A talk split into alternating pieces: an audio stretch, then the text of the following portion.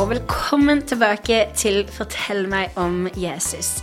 Det er en miniserie som jeg har starta fordi jeg syns det er veldig lett å snakke om hva Jesus gjør generelt og gjennom Bibelen og um, i liksom spesifikke hendelser. Men det er noe nydelig med å få trekke lange linjer i tro. Det å få lov til å høre hva Jesus har gjort for noen gjennom et liv. Uh, det, det gjør noe spesielt med oss, tror jeg virkelig. Og dagens gjest er ingen ringere enn Viktor Boge. Viktor har jeg kjent siden jeg flytta til Ålesund. Han var med i ungdomsarbeidet. Og hvis jeg skal prøve å beskrive Viktor, så er han en skikkelig stå-på-sjel. Det er ingenting som er et problem for Viktor. Han trapper opp. Det er ingen oppgaver som er for store eller for små, til at han går på med full innsatsvilje eh, og med stor glede og et gigantisk flott smil. Ikke minst, så når jeg spurte i staben hos, hvem jeg burde invitere inn i denne samtaleserien, så var Viktor et av de første navnene som dukka opp. Og det syns jeg var litt spennende, fordi jeg er sikker på at Viktor har opplevd veldig mye spennende med Jesus, og jeg vet at han er veldig grunnfesta i sin tro, men jeg har aldri hørt han dele hva han bærer på hjertet for livet sitt, hva han opplever å bære på av kall, um, eller spesifikke ting som Jesus har gjort for han. Og det er jeg veldig, veldig spent på å høre fra tidenes gledesspreder. Så Viktor, tusen takk for at du er her og prater med meg. Ja, så kjekt å være her. Det, det syns jeg. Det var veldig stas. Jeg sa dette her til Viktor før vi begynte å ta opp, men tenk at jobben min eh, også får lov til nå å gå ut på å sitte her og prate med Viktor om liv og tro. Ja. Det er et privilegium. Det er en velsignelse for deg. Nei, alt for meg. Jeg føler er- meg eh, veldig Jeg er veldig glad for å kunne være her. Så kjekt. Det er absolutt en velsignelse Ja. for meg. Uh, og jeg syns det er veldig spennende. Ja, Å skulle prate sånn, det har vi ikke gjort før. enig? Nei? Altså, vi har jo snakka masse, men ikke sånn som dette her, tror jeg. Vi har sunget mye i lag Vi har også. sunget masse i lag. Jeg tror, jeg tror det er få uh, som deler en større forkjærlighet for prinsen av Egypt enn Ja. bogefamilien uh. og meg. Så jeg, jeg føler meg som en æresboge. kun, kun på min kunnskap om prinsen av Egypt. Yes. Det er veldig gøy. Det er bra. Men Victor, hvis du skal fortelle meg om Jesus i lys av ditt liv, eh, hvor er det naturlig for deg å starte da? Ja. Da må jeg eh, Egentlig så må jeg begynne helt i begynnelsen. Jeg ble født rett inn i en kristen familie med foreldre som elsker Jesus um, av hele sitt hjerte, og um, jobber i misjon. Altså de jobba i en ungdomsoppdrag som en misjonsorganisasjon. Så for meg å vokse opp med foreldre som jobber så aktivt med misjon, og som elsker Jesus, det gjorde stort inntrykk for meg, um, tror jeg, fra helt siden jeg var baby. Og um, barnet og liksom ungdomsåra, og vokse opp i det. Det tror jeg har vært um, ja, veldig spesielt for meg. Veldig eh, retningssettende for meg å få ha å få vokse opp i det. Um, og for meg så uh, Ja, så jeg vokste opp med det liksom, søndagsskolen fra jeg var liten. Og uh, begynte i ungdomsopplegget Charge i Fila når jeg, jeg ble så gammel. Og så eh, ble jeg med i et team der jeg kunne, så fort som mulig. For det var liksom Selvfølgelig skal jeg investere. Og bare komme og bare være, det er jo kjedelig. jeg må jo gi noe inn i det også, så jeg begynte i kafétime og var der i mange år. Um, um, og sånn, så å ha kirka, å ha charge, å ha, å ha den jevnlige Å ha det jevnlig, da, det var, det var veldig bra. var veldig viktig for meg, tror jeg. I min tro, for da fikk jeg liksom jeg fikk um, påfyll hjemme og utenfor heimen. Så liksom det er ulike plasser som jeg kommer, der jeg får møte Jesus. Og um, det å få åndelig påfyll, vil jeg kalle det. Så, så det har vært veldig bra. Uh, ja. Men så var det Jeg husker det var én gang, da. Jeg kan dele en historie fra da jeg var jeg tror jeg var 12 eller 13 år. Da familien vår vi reiser hvert år på en sommerfestival som kalles GoFest. um, nede i Stavern, arrangert av Ungdom Oppdrag. Um, og det var en gang Jeg tror jeg var rundt 12 eller 13 år. Og da, det var den gangen jeg følte Gud virkelig kalte på meg. Wow. Um, og uh, da var vi på ungdomsmøte. Altså Ungdomsmøtet begynte liksom klokka åtte-ni, altså etter det vanlige møtet. Så det var sånn skikkelig stas å være oppe så seint, liksom. Um, og dette var, ja, jeg var tidlig ung, ung ungdom fortsatt. Um, og så husker jeg at han som talte, han delte om misjon og liksom nasjonene i verden, og snakket om hvordan um, han hadde fått en misjon sjøl om å ha liksom vann Elver av levende vann strømte liksom fra, fra oss og ut i, ut i verden og ut i nasjonene, og det talte sånn tydelig til meg. Wow. Følte virkelig Gud snakka til meg gjennom det han delte på scenen, um, om at vi må gå ut. Uh, vi er nødt til å nå verden med evangeliet og nå verden med Jesus sin kjærlighet og sin godhet. Um, for det er absolutt ikke alle i det hele tatt. Vi er ikke i nærheten av at alle har hørt evangeliet, liksom. Um, så den nøden som taleren forkynte, og liksom det hjertet han hadde for misjon, det smitta skikkelig for meg. Og jeg følte at Gud talte direkte til meg også om misjon. Um, om å reise ut, da. Um, Wow. da. Så jeg tror det var sånn der, eh, litt sånn vendepunkt fra bare å være en kristen og tatt imot Jesus, gå på fila, um, bla, bla, bla, bla, bla, til å faktisk ha litt mer sånn retning på trua. Hva vil jeg, hva vil jeg gå etter nå? Mer enn bare å gå i kirka på søndag. wow. Um, Men hvordan, det føltes uh, Fram til dette her, hadde du Hadde du tatt et standpunkt, eller, eller hadde du hatt en opplevelse av at troa ble mer enn bare noe du hadde At troa ble din egen, eller var det en veldig naturlig reise Eh, Var dette her første gangen Gud eh, var veldig tydelig personlig for deg? Hvordan, hvordan, hvordan så det ut? Ja, jeg tror at eh, Gud har vært veldig personlig med meg helt siden Helt siden jeg var ganske liten. Um, og jeg husker Jeg tror at eh, jeg begynte å tale tunge da jeg var fire år. Wow. Um, jeg, jeg tror jeg var rundt fire år, for det var på søndagsskolen. Og så var det Vi snakker om Hellig ånd, liksom, og vi er pinsekirke, så det er jo helt naturlig. Og liksom Hellig ånd, tungtale. Og så husker jeg på søndagsskolen så satt jeg nede på rommet her um, på søndagsskolen, og så var det hun som leda sa som nå skal vi be om Den hellige ånd um, sin gave til Wow. oss. Og uh, så lett som vil ha tungtale, kan bare rekke opp hånda. Og jeg bare ja. Så jeg rakk opp hånda, og så ja, da ba vi en sånn kort bønn, og så sa, sa de liksom ja, nå kan dere begynne å snakke, det, det dere føler kommer. Så da sa jeg bare noen ord. Jeg bare hæ?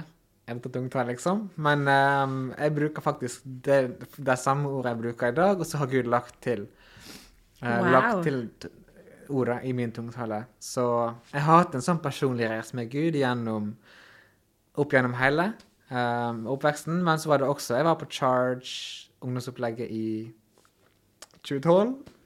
Og det var da jeg tror jeg tok et standpunkt. Ja, ja nå skal jeg følge Jesus um, av hele mitt hjerte resten av mitt liv. Wow. Hvor gammel var du da? 12? Jeg var 12, tror jeg. 2012. Ja. Ja. 2000. Ja, stemmer. Um, og ironien var at det var halloween-charts, og alle hadde kledd seg ut sånne crazy kostymer. Det er veldig og jeg, gøy. Bare I dag er dagen. Jeg bare OK, jeg tar imot. Hva var Um, du kledd ut som, husker du det? Jeg husker ikke. Kanskje jeg var Mary Poppins. Jeg var liksom Bert. Åh, Han, uh, eh, så da hadde søstera mi kledd ut som Mary Poppins, og så var jeg han feier en Bert på taket. Det er fantastisk. Og jeg tror det var liksom da jeg sto bakerst. Uh, nesten bakerst, fordi at um, jeg var i kafeen, så jeg måtte gå litt tidlig. Men da kjente jeg bare oh, her må jeg ta imot Jesus. Ja. Så opp gjennom hele hatt en personlig relasjon med han, men det var liksom da bestemte meg for at nå skal jeg faktisk investere i den også. Og ikke bare motta, men faktisk gi Altså gjøre en effort eh, for å uh, bli kjent, mer kjent med, med Jesus sjøl. Um, så det var da jeg tok imot Jesus personlig som frelser, og så var det i på den sommerkonferansen at jeg, tok, at jeg fikk et kall til misjon. wow. Um, at Gud talte om det. Og um, ja, Så det var på en måte de tre punktene opp gjennom livet som har vært sånne tydelige bam, bam, bam um, ting. Ja, sånne, sånne pilarer i, Ja. i troa, rett og Ja. slett.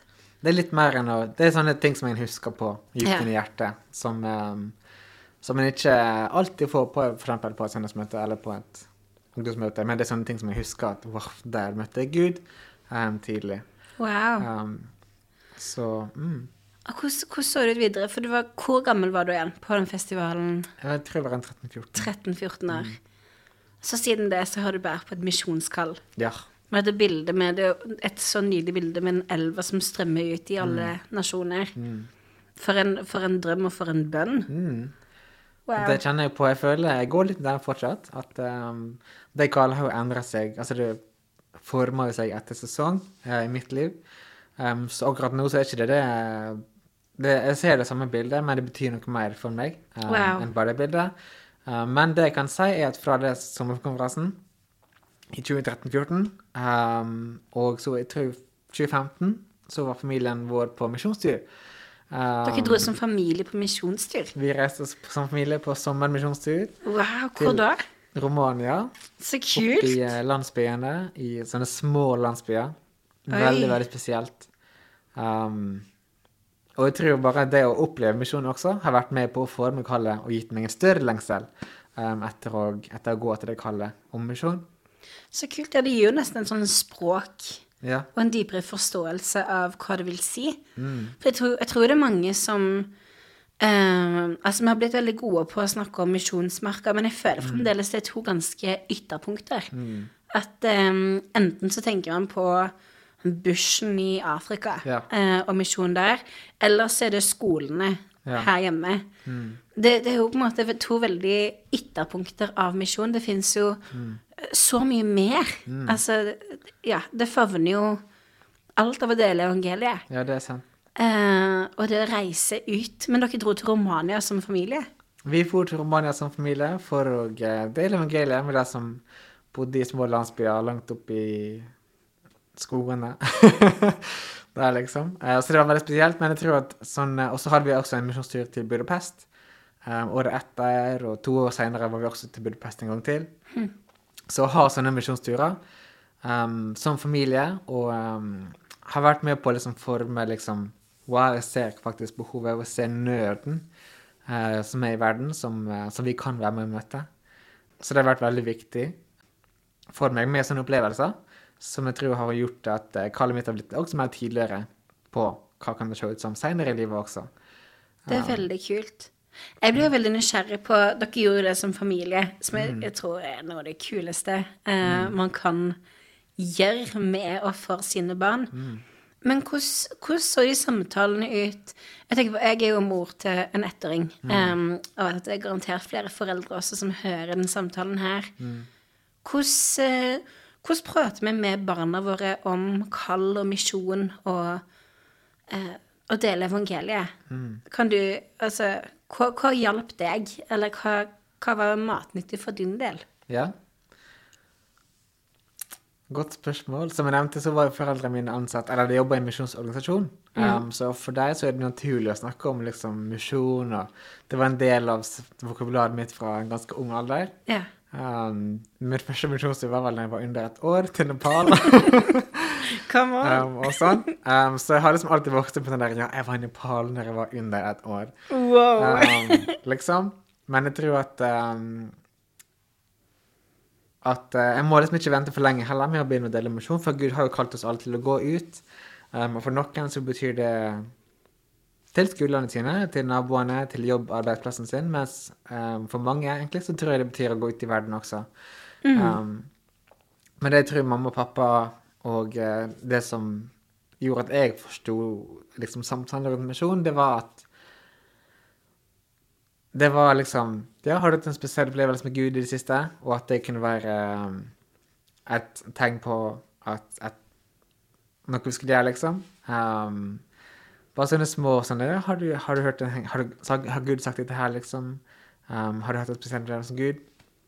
Men i tillegg til at vi fikk være med i samtalen, så var det også dette der med at mamma og pappa var sånn Ja, i sommer så tenker vi å reise på misjonstid. Da tenker dere om det? Um, og da blir det sånn derre oh, Hvor skal vi nå, liksom? Hva skal vi gjøre? Um, og det er mer enn bare en ferietur, for det er på en måte en ferietur med mening. Ja, ja, um, om det gir mening. absolutt. Så at uh, mamma og pappa in- initierte, det har masse å si også. For da, vi, da kunne vi liksom være med på det. Og nå har jeg begynt å initiere ting sjøl um, seinere. Men ja, jeg tror hjemme så går samtalen bare litt sånn naturlig i at ja, misjon, det har vi gjort hele livet, vi er kalt til det. Og, um, og Gud taler til oss om det. Egentlig på daglig basis, om vi lytter til Han, da. Det er jo veldig spennende. Mm. Og inspirerende for en, for en drøm. Og for en bønn å kunne forløse noe av det i sine barn. Det er jo fantastisk. Så, du, så du får dette her kallet som 13-14-åring på konferanse. Dere drar som familie på misjonsturer. Hvordan så det ut? Altså, livet er jo mer enn sommerferie. Ja. Eh, hvordan, eh, hvordan preger det deg i skolen? Ja. I skolen, på ungdomsskolen, så gikk jeg på Møre, som er en kristen ungdomsskole. Så jeg fikk jo liksom eh, Jeg ble liksom Jeg ble jo oppmuntra i i trua da også, liksom. At det var ikke noe som eh, lærerne pressa ned på eller prøvde å meg vekk. Det med tro og det med å leve, å leve liv med Jesus, liksom. Um, men på videregående så var det nok eh, andre, det andre boller, for å si det sånn. Det var andre boller, si. Eh, For da gikk jeg på faglige ute i Ålesund sentrum nesten. Og der, det er jo ikke en kristen skole i det hele tatt. I det Um, hele tatt. I det hele tatt. Der er, lag, der er lagsgruppe som er på. Ja. Uh. Uh, men det var vel det kristne vi hadde. Og så Mm. hadde vi en religion, men da, det er jo mer enn bare kristendom. Absolutt. Så, og det å få gå i en klasse og på en skole med så mange ikke-kristne, egentlig absolutt flest ikke-kristne, um, og bli påvirka av samfunnet og um, påvirka av andre sine meninger som ikke Som kommer fra andre verdier enn det jeg har, liksom, og det jeg har vokst opp med, det var ganske vanskelig, vil jeg si. Og um, jeg tror egentlig så var det da jeg også var litt vekke fra Jesus. eh, for jeg ble liksom påvirka og han dratt ut i andre retninger, da. Ut mot um, Vekk fra Jesus. Hvordan det, hvordan det så ut, for du um, Du gikk jo i kirke hele veien, og var jo åpenbart i de miljøene både hjemme og i kirka og på skolelaget. Så det å leve borte fra Jesus jeg, jeg tror definitivt man kan gjøre det også som troende. Eh, og jeg tror det er et veldig viktig perspektiv. At vi også som troende kan ha perioder hvor vi lever borte fra Jesus, hvor man ikke frasier seg troa på noen måte, men heller ikke lever i det potensialet som fins, da, eh, og i den relasjonen vi er kalt til å leve i. Til Jesus, kan du, kan du si noe om hvordan det opplevdes for deg som ungdom? Ja, å leve vekk fra Jesus. Eh, jeg vil ikke si at jeg ikke var kristen. Jeg var jo kristen, Ja. eh, og jeg hadde relasjon med han. Uh, men det var liksom på sånn daglig basis så var det ikke relasjon med Jesus, liksom. Og jeg kan si det sånn. Eh, men jeg tror bare det var masse bekymring på skole og å se fremover og grue seg til ting. Det var en stor del av hverdagen, Uh, med tanke på prestasjonsangst og sånne ting. Det vil ikke si at jeg sleit med det, men det var en del av hverdagen, og det gjorde at um, ja, det var litt uh, kjedelig å trå saktegående liv um, og saktegående vekst i min tro den tida. Men um, samtidig så hadde vi også Jeg gikk jo fortsatt i charge og gikk fortsatt i kirka på søndager. Um, og gikk fortsatt på lagsmøte, så jeg fikk sånne små påfyll her og der. Men det var ikke så masse som jeg hadde hatt på ungdomsskolen med andakt hver dag, eksempel. Um, eller eh, Og sånn, da. Så eh, det var, det var litt vanskelig. Um, og så var det også selvfølgelig mer enn tydelig å bli invitert på fest. Um, som også er jo en litt helt annen ting enn jeg vokste opp. Jeg vokste ikke opp på fest, liksom. Men så blir jeg invitert på fest, da. Um, så, og bare det med liksom Ja, skal, hva skal jeg gjøre i helga? Liksom, jeg har ikke peiling. Skal jeg gå i kirka? Skal jeg Eller skal jeg være med venner og investere i vennskapene som jeg um, også kan påvirke med, med Jesus, liksom? Men det var sånn balansegang mellom OK, hvor egentlig Hvor burde jeg være? Så ja, så det var utfordrende år. Det var, men det var gode år. Uh, absolutt. Det var ikke Altså, jeg har jo masse gode minner fra de årene, men det var utfordrende. Men jeg tror måten jeg kom tilbake igjen skal si, til Jesus på, det var etter jeg var ferdig på videregående. Da for jeg på en uh, disippeltrenerskole med ungdom i oppdrag. Jeg reiste til New Zealand og tenkte at OK, men nå kan jeg endelig følge liksom, misjonskallet mitt og kan reise ut i verden sant, og dele om Jesus til alle. Og... Så jeg dro til New Zealand på den uh, disippeltreningsskolen.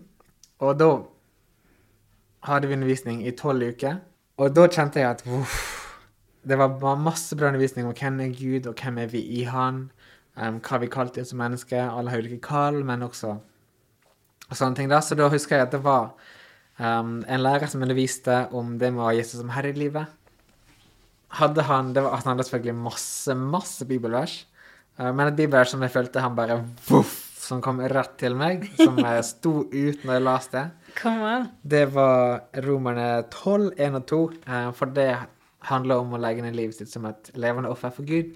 Og når jeg tenker, når en er et offer, så har en egentlig ingen rettigheter. Altså har ingen ting jeg skal ha gjort før jeg blir ofra. Da er det den som ofrer, som har full kontroll. Mm. Um, så jeg tror at når jeg la, når jeg la ned mitt liv den, på den skolen og kjente at OK, her, nå så går jeg inn i liksom det Jesus, du er herre i mitt liv. Um, fullstendig. Det var en sånn ny frihet som jeg ikke hadde opplevd før. Og Wow. et, ny, et nytt sånn standpunkt på at ja, OK, nå går jeg um, Nå skal jeg gå med Jesus hver dag, og at han skal få bestemme hva jeg kan gjøre. Eller hva jeg skal gjøre. Wow. Det er et veldig, er et veldig paradoks, da. Med Sånn som du sier, at et offer har ingen frihet eller fri vilje sånn sett, men det å likevel legge ned livet sitt som et offer for Gud blei den ultimate friheten. Og den gleden du følte av Ja. det. Kan du, kan du lese bibelversene for oss? Ja. Så i Romerne 12, 1 og 2 står det Derfor legger dere på hjertet, søsken, ved Guds miskunn, at dere må bære fram kroppen deres som et levende og hellig offer, til glede for Gud. Det skal være deres åndelige gudstjeneste. Og innrett dere ikke etter denne verden, men la dere omskape ved at dere får et nytt sinn og kan dømme om hva som er Guds vilje. Det gode, det som er til glede for Gud, det fullkomne. Wow. Ja, de to versene bare voff, til meg, og jeg bare Wow! Når jeg lander livet mitt sånn som det står her, som et levende offer, så fikk jeg en ny forståelse for hva, egentlig, hva er egentlig frihet. Wow. Um, for det som er frihet i verden i dag, det er ikke det som Gud kaller frihet. Det er egentlig å være bundet til uh, Du er egentlig bundet.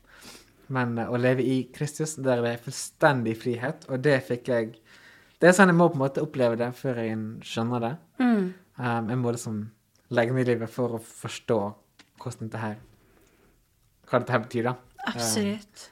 Men, men ja. hvordan, hvordan så den friheten ut uh, for deg? Var det jeg vil jo tro at det er noe du begynte å gå i og fremdeles går i.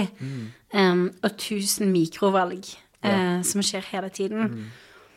Men den opplevelsen å, å kunne sette fingeren på hvordan den friheten er, eh, kan du si noe om det? Jeg tror at den friheten handler om å ikke være bundet til fortida. Så for Wow. eksempel når jeg nevnte det med at jeg eh, levde litt med bekymringer og sånne ting på, på videregående, det er bare fuff. Det, tatt altså det var en sånn prosess, da. Men Jeg elsker lyden. det har på en måte det, er, jo- altså, det har på en måte forsvunnet, og jeg lever ikke i samme Selvfølgelig så er det ting som kommer hos meg sånn der, «Åh, bekymra, men jeg vet at jeg er ikke klar til å leve i det, så da bare Jesus, du har jo kontroll. Um, og da kan jeg gi det til han, og da kommer det sånn der fred og frihet. Um, som jeg tror at hvis en går i det, da, velg å legge ned ting for Jesus, som en vet at en ikke er kalt til å gå i. Um, og løgntanker, bare poff.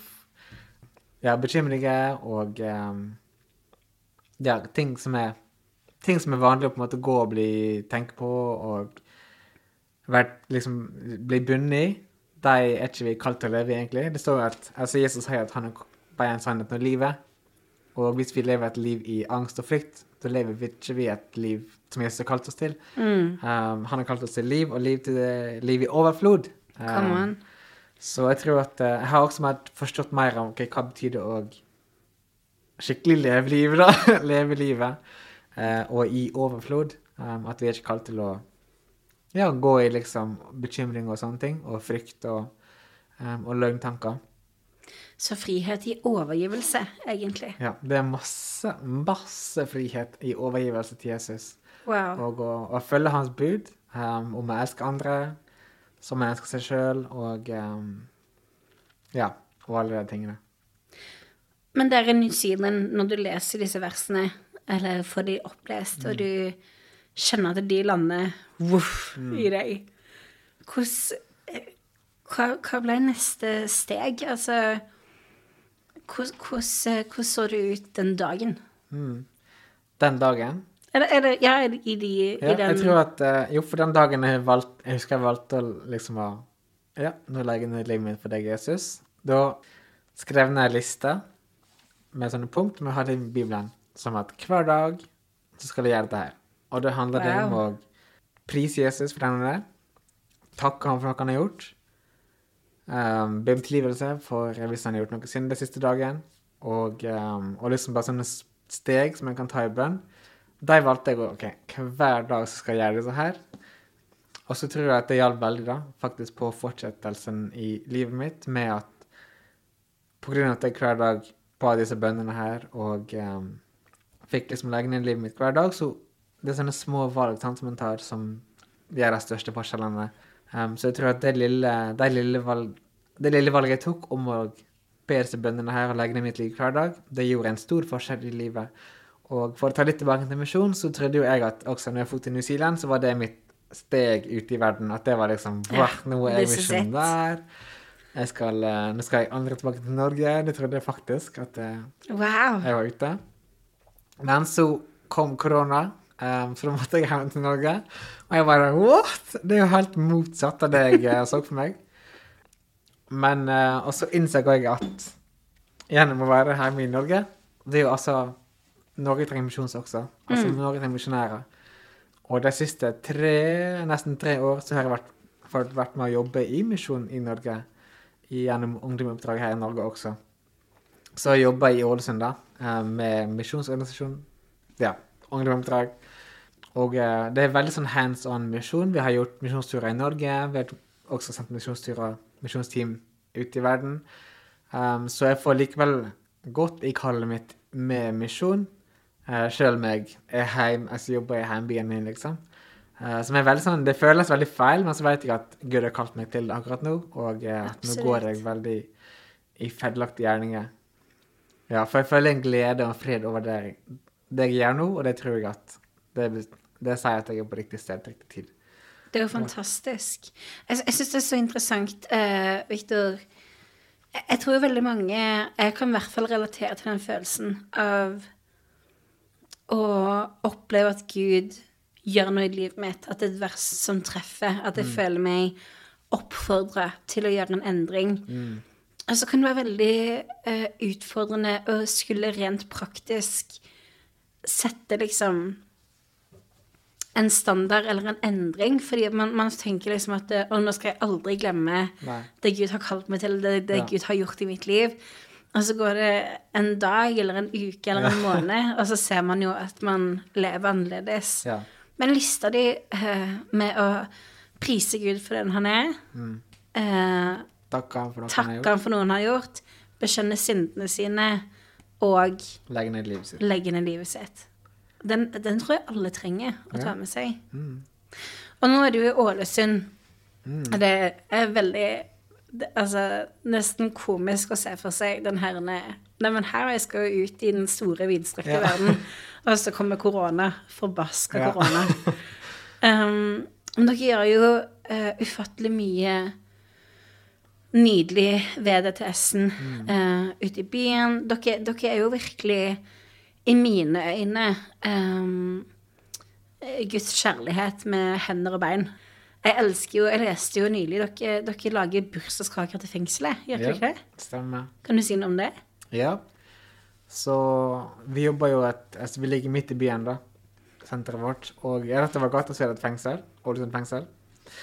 Um, og så har vi liksom vært litt sånn der Ja, kan si noe for deg, liksom. For vi er jo kalt til å sette prisoners free.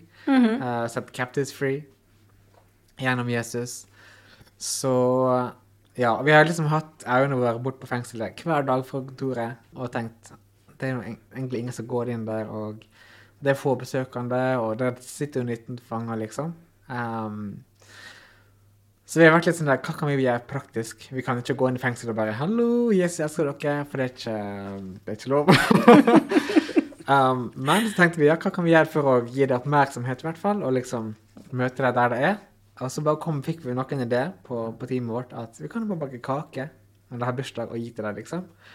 Um, så det gjør vi, da. Så da baker vi kake og um, skriver et kort med et bibelvers, og at de er sett og elska, um, som også er det er fint å male og sånne ting. Og så gir vi det på døra til uh, de som er ansatt, og så gir de det til fangene.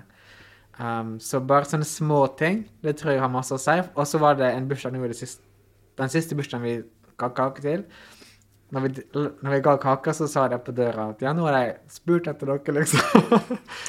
wow. um, så det, men det er veldig spesielt å få være med på, på det, da.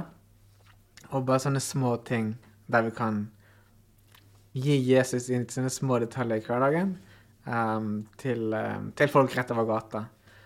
Jeg må, jeg må si at når jeg leste det dere gjør for de innsatte med å bake bursdagskake, det, det fikk meg virkelig til å silgrine. Jeg ble så rørt. Vi har, har den som eh, kristne til å kanskje bli litt bastante eller å skulle dele tro med en forventning om en reaksjon av og til. Eller gjøre noe godt for noen med en forventning til deres reaksjon og alt mulig. Mm. Og så tenkte jeg, hva er det som er mer gjenopprettende og en mer nydelig kjærlighetshandling enn å, enn å bake en hjemmelaga bursdagskake til noen som sitter i fengsel? Det må jo, det må jo være bare så spesielt for de å motta noe som er virkelig en kjærlighetsgave fra fremmede.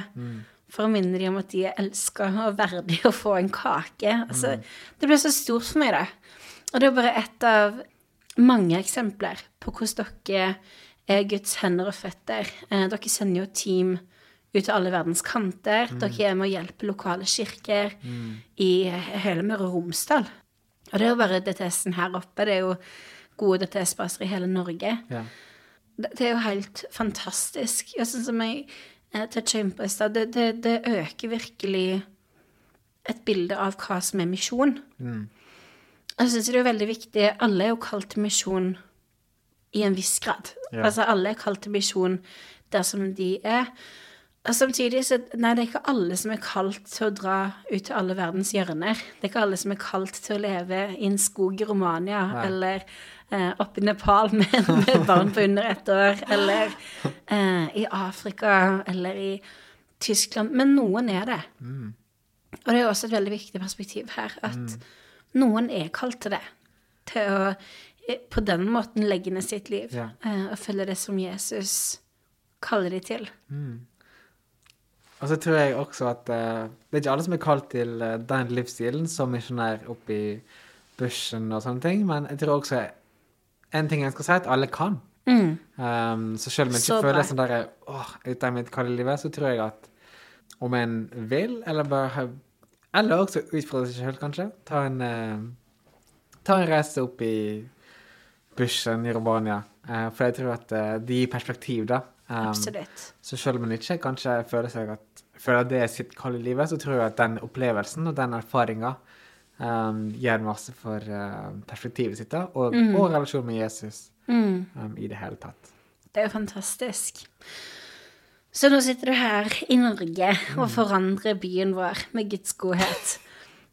Og du har vært i New Zealand, og du har vært i Bulgaria og Romania og Nepal til og med, som underettering, til og med. Til og med. Hva, hva nå, Viktor? Ja. Hva nå? Um, jeg ser meg sjøl Altså, jeg ser for meg å jobbe i Ålesund um, enn så lenge. Um, jeg trives veldig godt her og føler at jeg går i feilaktige gjerninger, som jeg nevnte. Og at Ja, at da betyr det at jeg kan være litt retning for hva Gud har kalt meg til ti videre. Så selv om jeg ikke um,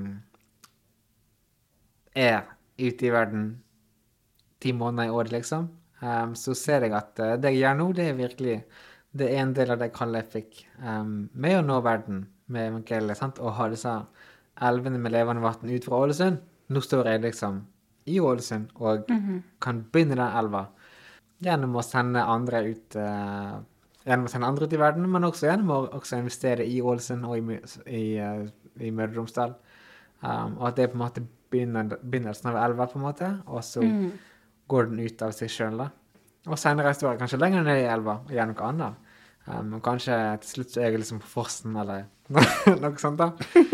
Men um, ja, akkurat nå så blir jeg i Ålesund, og jeg tror at um, ja, det å fortsette å legge ned sitt liv hver dag, det gjør jeg fortsatt. Um, og merker at uh, hvis jeg går en morgen uten å ha lest Bibelen, og uten å ja, Jeg skal ikke være liksom religious med det, at uh, hvis jeg ikke er det, så er jeg en dårlig kristen. Men jeg tror at jeg merker at hvis jeg ikke er det en dag, så er det sånn der Oi, det er noe som liksom er litt off, eller at det blir litt enklere irritert og sånne ting. Mm. Um, så jeg tror at um, ja, jeg tror, For meg så er det viktig å bruke tid med Jesus først av alt. Og Det er at det, og at det er det som er um, alt vi gjør, flyter ut av det. Mm. Elvene som eh, renner ut i nasjonene, flyter ut av min tid med Jesus. Um, I Bibelen og i bønn og, og i kirka og sånne ting. Wow. Så for meg så blir det ikke Ålesund og eh, fortsette på toppen av elva. Come on. det, altså, jeg har, jeg har virkelig elsket den samtalen her, Victor. Og eh, å høre perspektivet ditt på det med frihet, overgivelse, Romerne 12 Altså, det, det er så utfordrende. Um, og så, og så gjør du det likevel veldig håndterbart. Og det er ikke det um, Jeg er sikker på at det ikke er enkelt. ja. Men uh, likevel så gjør du det veldig attraktivt og lett å forstå og viktigheten av det. Så tusen takk for det. Um. Safran. Ok, hvis, hvis du um, Jeg spør om det her til slutt. Ja. Og det er et veldig stort og voldsomt spørsmål, egentlig, og umulig å svare på på bare et par setninger. Ja. Men hvis du kunne fortalt meg én ting om Jesus, en dyp sannhet som du har fått erfare med ditt liv, hva sier du da? Sant. på én setning. Eller på ett svar. Det er Jeg tror det som er Det som har vært at Det som gjør at jeg fortsatt i dag er kristen og kan følge der jeg føler Gud kaller meg, det er gjennom at jeg bruker tid med Han. Så det jeg vil si, er at Jesus han er en jeg kan si alt til og dele alt med. Um, og å ha relasjon med. Så om jeg skal liksom si én ting, så er det bruk tid med Jesus. Les Bibelen. Bruk tid i bønn. Nydelig. det er liksom For meg så er det det som gjør at skal si, jeg lever. Um, og at det gir meg gnist, eller det gir meg liv. Ja, så jeg tror at uh, det er liksom det som alt renner fra. um, Det at jeg bruker til Jesus sjøl. Mm. Nydelig. Victor, tusen takk for den samtalen her. Takk for Ja, at du takk, er i Ålesund, alt det du gjør for byen vår. Hvordan du deler tro og liv og utruster ikke minst andre til å gå i det som Gud kaller de til. Det, det er virkelig så nydelig og inspirerende. Og jeg ber for deg og heier for deg, eh, og jeg er så takknemlig for å kjenne deg. Takk for det. I likeså. Koselig.